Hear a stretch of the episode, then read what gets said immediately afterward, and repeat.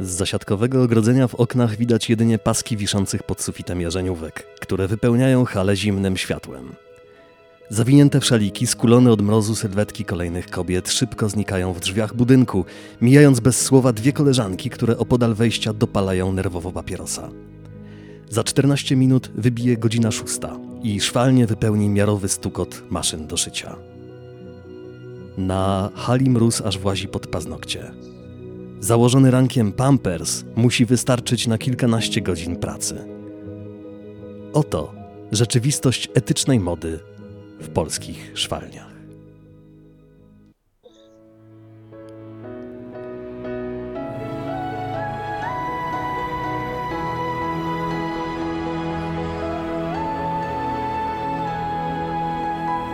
Podcast powszechny. Weź, słuchaj. To jest podcast powszechny przy mikrofonie. Michał Kuźmiński, a ze mną dzisiaj zdalnie łączy się Marek Rabi, dziennikarz, reporter Tygodnika Powszechnego, dziennikarz ekonomiczny, y, autor książki y, Życie na miarę, nie szycie na miarę, Życie na miarę, opowiadającej o warunkach y, pracy w szwalniach w Bangladeszu i o globalnym przemyśle tekstylnym oraz autor artykułu, który ukazuje się w najnowszym Tygodniku Powszechnym, artykułu pod tytułem Wdepnij w ten pedał. Marku, dzień dobry. Dzień dobry, kłaniam się. Tekst jest o tym, y, jak funkcjonują polskie szwalnie. Polskie szwalnie uchodzące za, y, w odróżnieniu od tamtych z Dalekiego Wschodu, etyczne.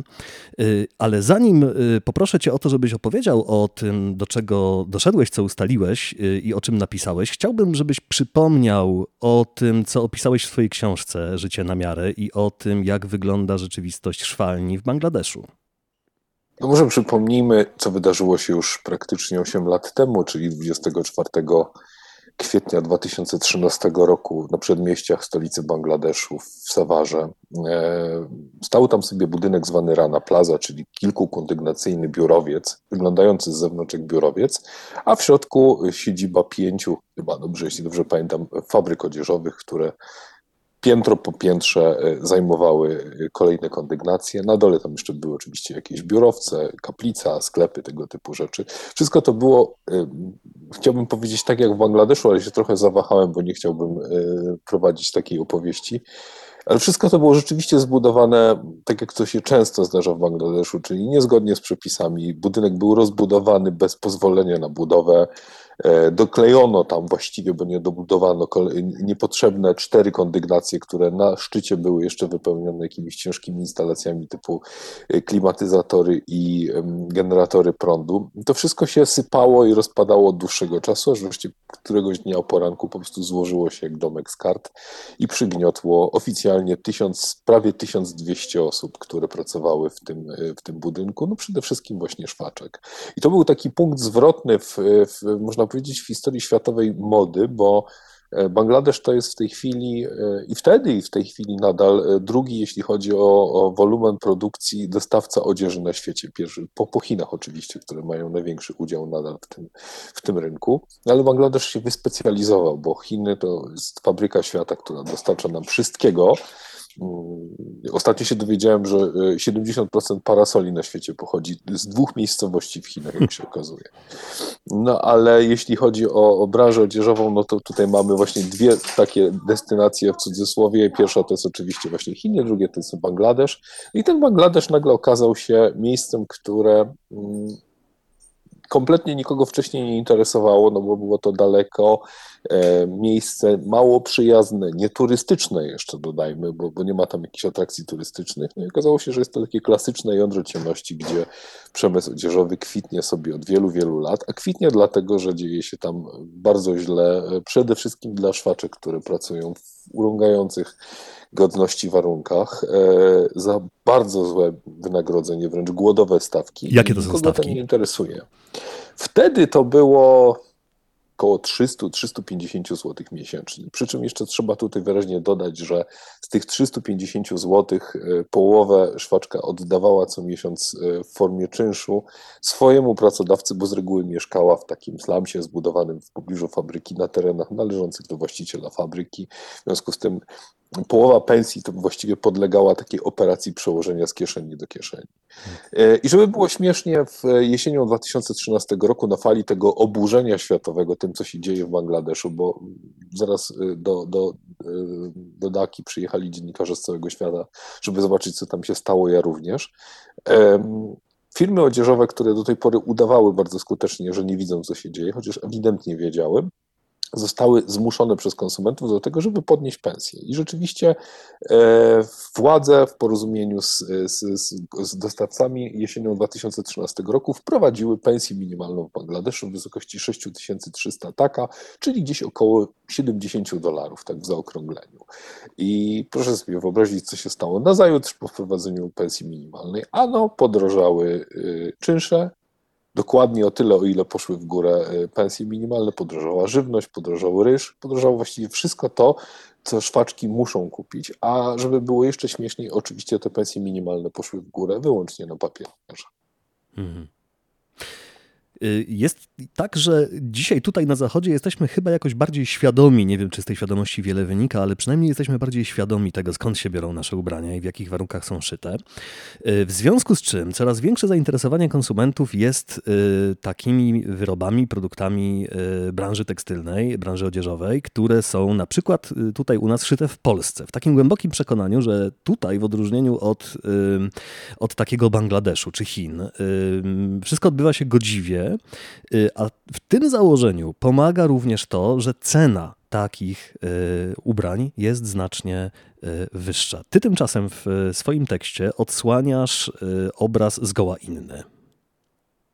Tak, ja muszę przyznać, że wszystko się zaczęło od pewnego rodzaju intuicji, właściwie wątpliwości, ponieważ mnie od dłuższego czasu siedzi w głowie, tak jak powiedziałeś, pewna zbitka myślowa, która towarzyszy hasłu szycie w Polsce, albo szyjemy w Polsce, albo made in Poland. Jest chyba nawet taki hashtag szyjemy w Polsce. E, ta zbitka polega właśnie na utożsamieniu produkcji odzieży w Polsce z tym, że ta odzież jest znacząco droższa od tej produkowanej e, w Bangladeszu. Można to oczywiście porównać w bardzo prosty sposób, e, idąc do sieciówki, patrząc ile tam kosztuje powiedzmy t-shirt, on tam potrafi kosztować nawet 10 zł w tej mm -hmm. chwili. Jest kryzys oczywiście. Po drugiej stronie mamy tych polskich producentów, którzy sprzedają te swoje ubrania po 100, 150, czasem 200 zł, czasem 70. Bez względu na to, jakie są to liczby, to te różnice i tak są szokujące. Oczywiście na korzyść y, z punktu widzenia konsumenta tej szybkiej mody produkowanej na Dalekim Wschodzie. Więc y, y, trzeba się będzie zastanowić nad tym, jak, co się składa na tą cenę w Polsce, z czego ona się bierze i czy rzeczywiście to utożsamienie mody szytej w Polsce e, z wysokimi zarobkami szwaczek, bo to trzeba podkreślić, że e, przemysł odzieżowy w Polsce, ten etyczny, mówi wyraźnie, że my e, musimy płacić, musi, musimy brać od Was, drodzy konsumenci, więcej pieniędzy po to, żeby więcej tych pieniędzy trafiło do szwaczek. No i okazuje się, że to nie do końca jest tak, jak e, opowiadają e, sami producenci, a nawet mówiąc wprost, zupełnie nie tak. Jak e, pracują, w jakich warunkach pracują Twoje rozmówczynie, osoby, do których dotarłeś, ile zarabiają, jak to wygląda? Ten wstęp, który przeczytałem na początku, trochę to pokazuje. Tak, no to jest właściwie historia o tej samej szwalni, można powiedzieć. Tych szwalni w Polsce jest kilkaset.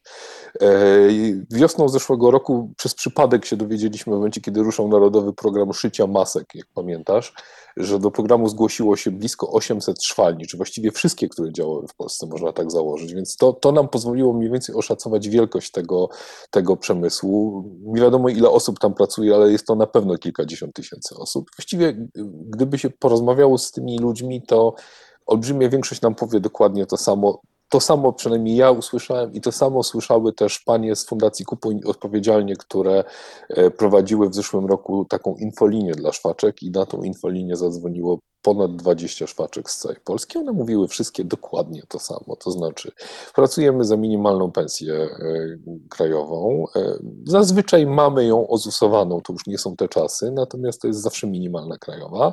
Pracujemy bardzo ciężko, po kilkanaście godzin na dobę. E, te 8 godzin statutowe, które mamy w, w, w umowie jest oczywiście czystą fikcją, ponieważ te targety, czyli limity produkcji, które trzeba wykonać e, w ciągu dnia, są tak wyśrubowane, że nie da się tego po prostu zrobić w ciągu 8 godzin pracy. I to jest historia jeden do jeden, którą można przełożyć z Bangladeszu. Ja nawet mam fragment w rozdziale swojej książki poświęcony właśnie temu, jak to wygląda.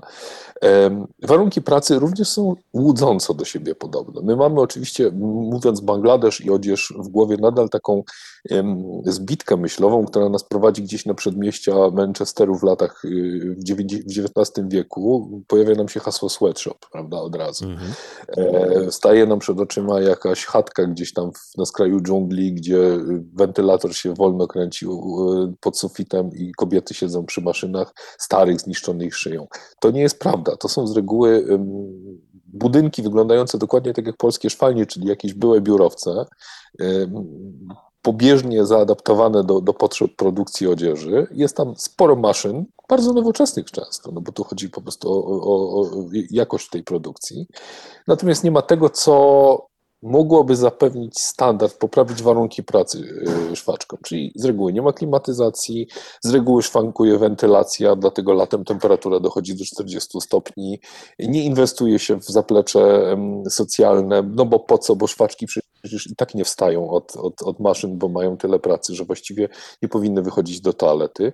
Więc to też jeden z elementów wspólnych w tych wszystkich opowieści był taki, że cały czas słyszymy, mówią szwaczki od swoich y, pracodawców, że nie ma pieniędzy, między innymi na podwyżki, Natomiast nagle okazuje się, że znalazły się pieniądze na zamontowanie nowoczesnego monitoringu, który sprawdza, w jaki sposób się odbywa praca. Więc to, to generalnie nam pokazuje, że, że przemysł odzieżowy w Polsce jest nadal takim e, anus mundi, jakimś takim całkowicie oderwanym od e, reszty e, gospodarki fragmencikiem, który funkcjonuje na warunkach zbliżonych bardziej do początków lat 2000, kiedy w Polsce mieliśmy 20% bezrobocie. Właśnie o to Cię chciałem chciałem zapytać, jak to jest możliwe i właściwie z czego to wynika, że y, to, to wygląda rzeczywiście jakby czas się zatrzymał, jakby te czasy, w których pracodawca tak. mówi jest 100 na twoje miejsce, jak ci się nie podoba, to się zwolni i tak dalej, że one się już jednak skończyły, jakoś zmieniły, a tymczasem ty opisujesz rzeczywistość, która jest jakby żywcem wyjęta dokładnie z tamtych czasów.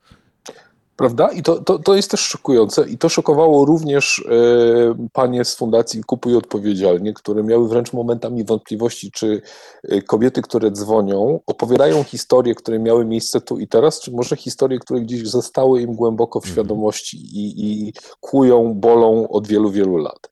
Okazuje się, że nie, że to są historie rzeczywiście sprzed roku, sprzed dwóch, sprzed kilku miesięcy, bo jakbyśmy sobie zmapowali ten problem, to jego można rozłożyć na, dwa, na dwie płaszczyzny w, w czasie i przestrzeni przestrzeni. W przestrzeni to jest bardzo prosta rzecz. Jeśli spojrzymy na rozplanowanie szwalni w Polsce, to one z reguły się mieszczą na tak zwanej ścianie wschodniej. Państwo rozumieją na pewno, co, co mam na myśli, chociaż nie lubimy tego określenia. Hmm. E, mieszczą się na Mazurach i z reguły w okolicach, e, w okolicach Łodzi. Są to miejsca, gdzie mówiąc kolokwialnie rynek pracy nie jest zbyt dobrze rozwinięty, a zwłaszcza jeśli chodzi o rynek pracy dla osób słabo wykwalifikowanych. Tam nie ma dużych miejscowości, y, gospodarka się nie kręci na tyle szybko, nawet z uwzględnieniem pandemii, y, żeby osoby bez wysokich kwalifikacji bez, bez, lepszych kwalifikacji mogły sobie łatwo znaleźć dobrze płatną pracę. I to jest coś, co może, można powiedzieć dzieje się w przestrzeni. Natomiast to się też rozgrywa, można powiedzieć, w czasie, ponieważ większość szwaczek to są jednak osoby y, nie dwudziestoletnie, tylko raczej 40-50-letnie, kobiety, które opanowały pewną umiejętność wiele lat temu w zupełnie innych realiach rynku pracy i w pewnym sensie padają ofiarą własnego, własnych ograniczeń, e, ograniczeń w, w, w myśleniu o tym, czy ja mogę znaleźć pracę gdzie indziej. Mhm. Ja obawiam się, że to jest też pewnego rodzaju e, świadomość, która towarzyszy samym pracodawcom, że oni wiedzą, że że te osoby po prostu nie będą szukać tej, tej, tej pracy. To jest trochę tak jak z bankami, które nam mówią, że nie, nie będą zmieniać, y, uelastyczniać swojej oferty, no bo wiedzą, że Polacy bardzo nie lubią zmieniać banków. Hmm. I w tym wszystkim jeszcze dodajmy, żeby tak nie wyszło, że, że, to, że to wina tych kobiet, że nie ma ze strony państwa czy ze strony samorządu jakiegoś programu, który, nie wiem, pomagałby w zmianie y, pracy i tak dalej. Że, że one się czują, ale, że, że nie ma możliwości zmiany? Ale oczywiście, że tak, bo one są pozostawione same sobie z tego prostego powodu, że z jednej strony, zwróć uwagę, z branży odzieżowej płynie od wielu lat narracja, że szwaczki w Polsce, przemysł ten produkujący etyczną modę, w ogóle modę w Polsce, ma w tej chwili raj, no bo z jednej strony pandemia, czyli odcięcie producentów od, od, zachod- od fabryk na wschodzie, z drugiej strony moda na etyczną modę, moda na modę, no ale tak to trzeba nazwać. I to powoduje, że jest gigantyczne zapotrzebowanie na pracę szwaczek. E, ja nawet słyszałem z ust jednej z bardzo znanych producentek e, tej etycznej mody w Polsce takie określenie, że ona z tego co wie, że dobra szwaczka w tej chwili to jest w stanie zrobić 6 tysięcy złotych na rękę. To chyba chodziło o dobrą krawcową, a nie o dobrą szwaczkę. Wow. Więc to tworzy takie wrażenie i u decydentów, i też u opinii publicznej, że problem nie istnieje. A jeśli problem nie istnieje, no to wiadomo, że można go sobie bardzo gdzieś tam szybko zepchnąć na, na boczny tor i, i zostawić właściwie bez, bez jakiegokolwiek, y, bez próby y, choćby refleksji, co można by tutaj zmienić. E, kobiety też się nie skarżą, zwróćmy uwagę. No przecież większość, y, wszystkie rozmówczynie odmówiły podania nazwiska, nie boją się po prostu, nie chcą mieć awantur. Mhm. Ważnym elementem tej układanki jest chyba fakt, że konsumenci lubią sobie wyobrażać, tak przynajmniej e, mi się wydaje, że to jest tak, że firma miła, sympatyczna, e, fairtrade'owa firma X ma swoją szwalnię, prawda? Bo tak to, tak. tak to jest opowiadane, przedstawiane, że nasze szwaczki, nasze krawcowe mają i tak dalej. E, jak, a, a tymczasem w Twoim tekście nieustannie po, po, pojawia się sformułowanie szwalnia taka i taka szyje dla firmy takiej i takiej. Jak to funkcjonuje? No tak, to szyje dokładnie funkcjonuje tak jak w Bangladeszu. Ta skala po, po, podobieństw jest szokująca wręcz. Tam również mamy gigantyczny problem z, z podzlecaniem e, zamówień, których się bierze tak dużo, że części ich nie, nie jesteś w stanie wykonać. W związku z tym szukasz kontrahentów, którzy Twój towar wykonają za ciebie, ty się podzielisz zyskiem. I tutaj bardzo często również dochodzi do takich sytuacji, ale przede wszystkim doszło do e, bardzo sprawnego, e, może nawet warto użyć określenia zmanipulowania konsumentów, to znaczy wmówienia im, że rzeczywiście firmy z branży etycznej mody tak bardzo dbają o, o jakość produkcji, o kontrolę nad tą produkcją, że mają własne szwalnie. No niestety to jest nieprawda, ponieważ mało kogo w Polsce stać na posiadanie własnej szwalni. Własna szwalnia musiałaby pracować wyłącznie na, na potrzeby własnej marki i szukać jeszcze jakichś innych dodatkowych zleceń. To jest dosyć trudne. E, większość e, firm z branży pracuje na tak małych wolumenach, jeśli chodzi o liczbę e, sprzedawanych i produkowanych towarów, że one nie mogą e, własnymi zamówieniami zapewnić stałego dopływu towaru do jednej szwalni, która by miała pracować wyłącznie dla nich. Oczywiście mogliby e, właściciele firm, e, które nazywają się etycznymi, bardzo wnikliwie badać, co się dzieje w szwalniach, które, w których produkują. Wręcz powinni. Oni nawet mówią, że tak robią. No, wydawałoby się, że to w ogóle jest podstawa, tak? że, że ktoś tam czasem nie. chociaż zajrzy. Jak to wygląda? Nie, to znaczy właśnie szwaczki opowiadają, że oczywiście takie wizyty mają miejsce systematycznie, ale to są wizyty, można powiedzieć, techniczne, to znaczy sprawdza się jakość produkcji, sprawdza się, czy sample są dobrze przyszyte. Chodzi generalnie o to, żeby się nie okazało za późno, że cała partia towaru, która jest produkowana, jest obciążona jakąś wadą. Natomiast, żeby się ktoś interesował, czy szwaczki mają e, wodę na przykład na, na, na, na hali, absolutnie to nie wchodzi w rachubę. Co więcej, nigdy nie, ja przynajmniej nie zetknąłem się i moi rozmówcy również nie zetknęli się z sytuacją, w której szwaczki zatrudnione przecież przez zewnętrzną szwalnię, bo one mają umowę o pracę z właścicielem szwalni, a nie z marką, która tam szyje. To trzeba podkreślić. Dostawałyby od swojego pracodawcy premię z tego tytułu, że on na przykład dostał kontrakt od firmy, która mówi, że jest etyczna i bierze od klientów więcej, bo dba o to, żeby szwaczki zarabiały więcej. Nie. Tu nie ma mowy o jakimkolwiek przełożeniu e, pomiędzy ceną towaru, e, którą płaci konsument, a tym, e, ile zarabia szwaczka. I to jest dokładnie sytuacja jeden do jeden podobna do Bangladeszu. A tymczasem cena tego towaru w porównaniu właśnie z tym sieciówkowym towarem pochodzącym z Dalekiego Wschodu jest wielo, wielokrotnie wyższa. Jakie to są stawki?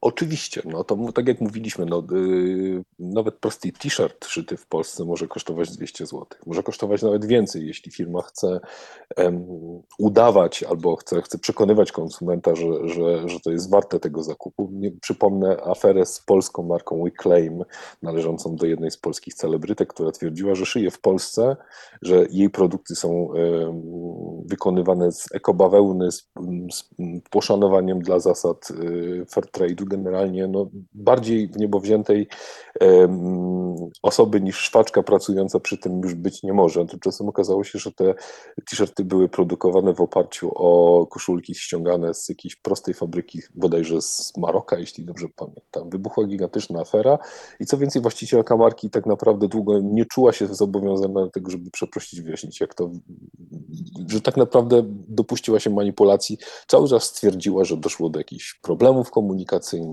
do niezrozumienia. To, to, to wszystko się powtarza. Cały czas branży odzieżowej w Polsce, również tej, która mieni się etyczną, bardzo zależy na tym, żeby jedną narrację wysyłać do klientów, którzy płacą, a zupełnie inną kierować do swoich kontrahentów, e, z którymi się na co dzień kontaktuję. Jedna z moich rozmówczyń, właścicielka niewielkiej marki odzieżowej, mówi mi, że ona systematycznie bywa na różnych grupach dyskusyjnych i forach, gdzie e, tacy producenci jak ona, czyli właśnie mali, niszowi, nastawieni na etyczną produkcję, wymieniają się różnego rodzaju informacjami pod tytułem a w tej szwalni to uważaj, bo tam są problemy z jakością, a tutaj na przykład może być tak, że nie dostaniesz towaru na czas. Więc zapytana, czy w tych y, wątkach, które tam wiszą na tych stronach, pojawia się gdziekolwiek temat warunków pracy, szwaczek, odpowiedziała nie. Nie przypominam sobie, żeby w ogóle ktokolwiek poświęcił temu chociaż sekundę. Znowu niewidzialne, prawda? Tak, bo nie trzeba, bo, bo hmm. nikt się tym tak naprawdę nie interesuje. Konsumenci um, zasiedli w takim poczuciu błogości, że kupują Made in Poland, czują się zwolnieni, no bo w pewnym sensie też mogą być, czuć się zwolnieni. Konsument nie jest od tego, żeby być e, policjantem i prowadzić śledztwo w sprawie tego, co się dzieje w, w, szwalni, która dostarcza e, jego ulubionej marce e, produktów.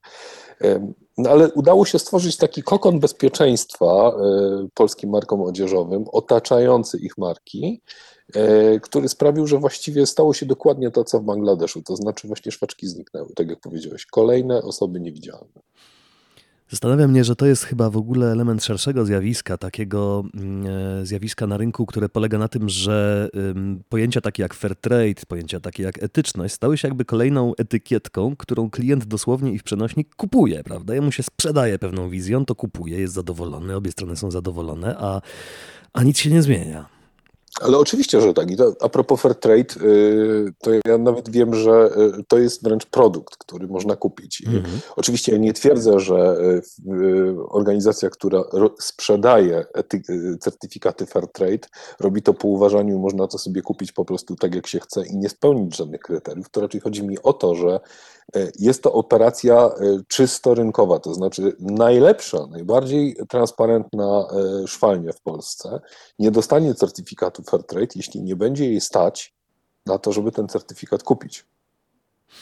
Powiedziałeś, Marku, że konsument nie jest policjantem, nie jest od tego, żeby wchodzić do szwalni y, i sprawdzać, jakie tam są warunki. Rzeczywiście nie jest, ale, ale chyba nie jest tak, że konsument nic nie może. Ja się zastanawiam nad tym, co robić w takiej sytuacji, no bo człowiek jakoś rzeczywiście przejęty pochodzeniem towarów, które, które kupuje, no po przeczytaniu twojego tekstu właściwie no, może siąść i płakać, może się czuć kompletnie bezradny. Czy jest rzeczywiście bezradny, czy my konsumenci możemy coś zrobić, czy mamy jakiś ruch? Nie, no ja absolutnie uważam, że, że e, ruch mamy i muszę się podzielić z Tobą takim wspomnieniem, że kończąc pracę nad swoją książką w 2016 roku miałem poczucie kompletnej bez, bezradności, bo wydawało mi się, że ten łańcuch dostaw jest tak diabolicznie skonstruowany, że właściwie on jest odporny na jakiekolwiek naciski zewnętrzne.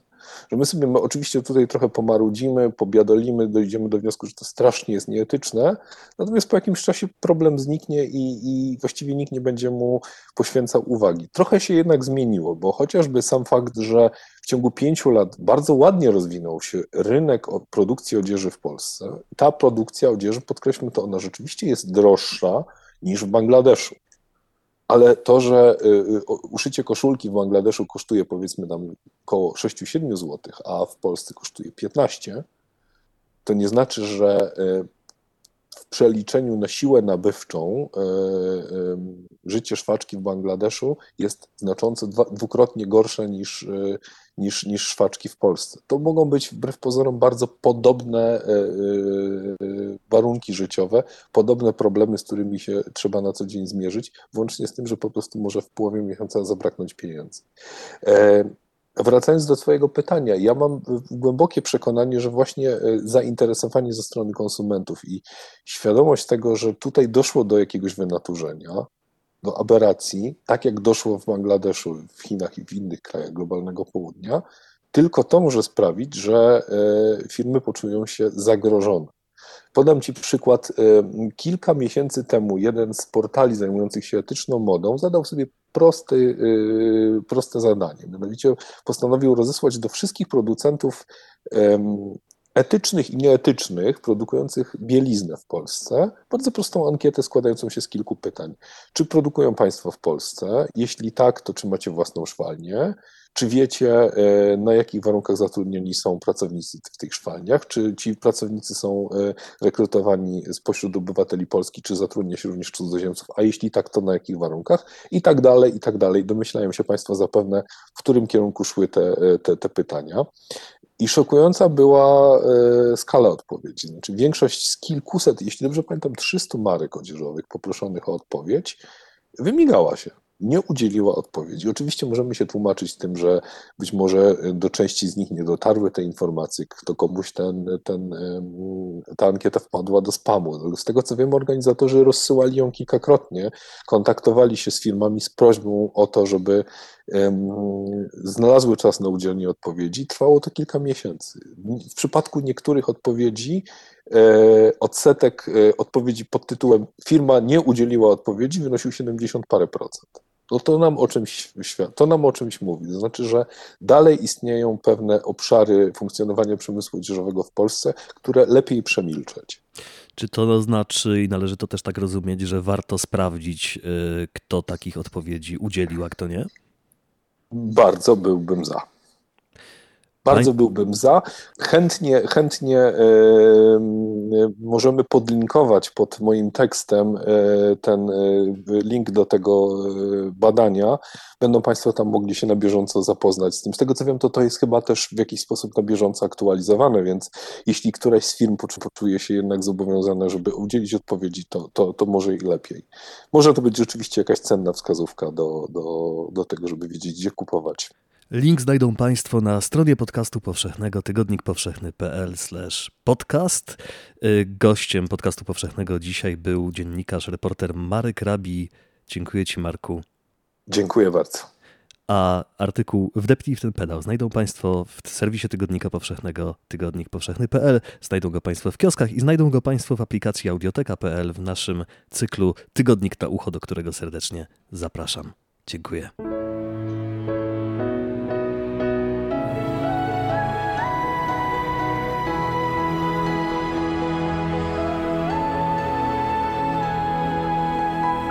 Podcast powszechny.